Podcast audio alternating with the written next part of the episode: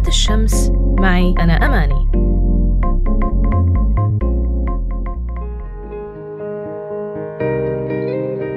مرحبا.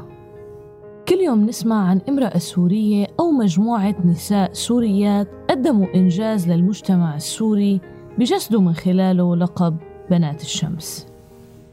ومن كم يوم استضاف المركز الثقافي بمدينة عزاز بريف حلب أعمال مؤتمر النساء العام لدعم وتمكين المرأة في ريفي حلب الشمالي والشرقي. وهالمؤتمر بيهدف لزيادة وعي المرأة السورية بحقوقها وطرق تحصيلها؟ وضرورة العمل مع الرجل للوصول لمجتمع قائم على الشراكة الفاعلة بين الجنسين. الجهة الراعية للمؤتمر هي لجنة إعادة الاستقرار بريف حلب الشمالي. والمؤتمر حشد أكبر عدد من نساء المنطقة الفاعلات واللي عندهم رغبة حقيقية بتحسين وضع المرأة بالمنطقة. هدول النساء أكدوا من خلال حضورهم على إنهم دور فاعل وعلى إنهم بيقدروا يمثلوا نفسهم ويشاركوا ضمن كيان جامع للنساء. المؤتمر تناول أهم التحديات والمشاكل اللي بتعاني منها المرأة السورية وطرق تجاوز العقبات اللي بتوقف بوجه تمكين النساء بسوريا.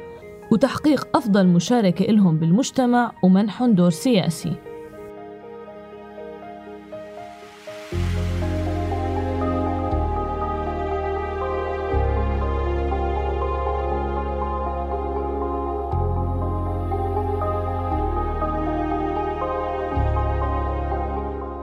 بالإضافة لكل هاد ناقش المؤتمر أهم المقترحات اللي طرحتها النساء المشاركات بهدف تفعيل دور المرأة.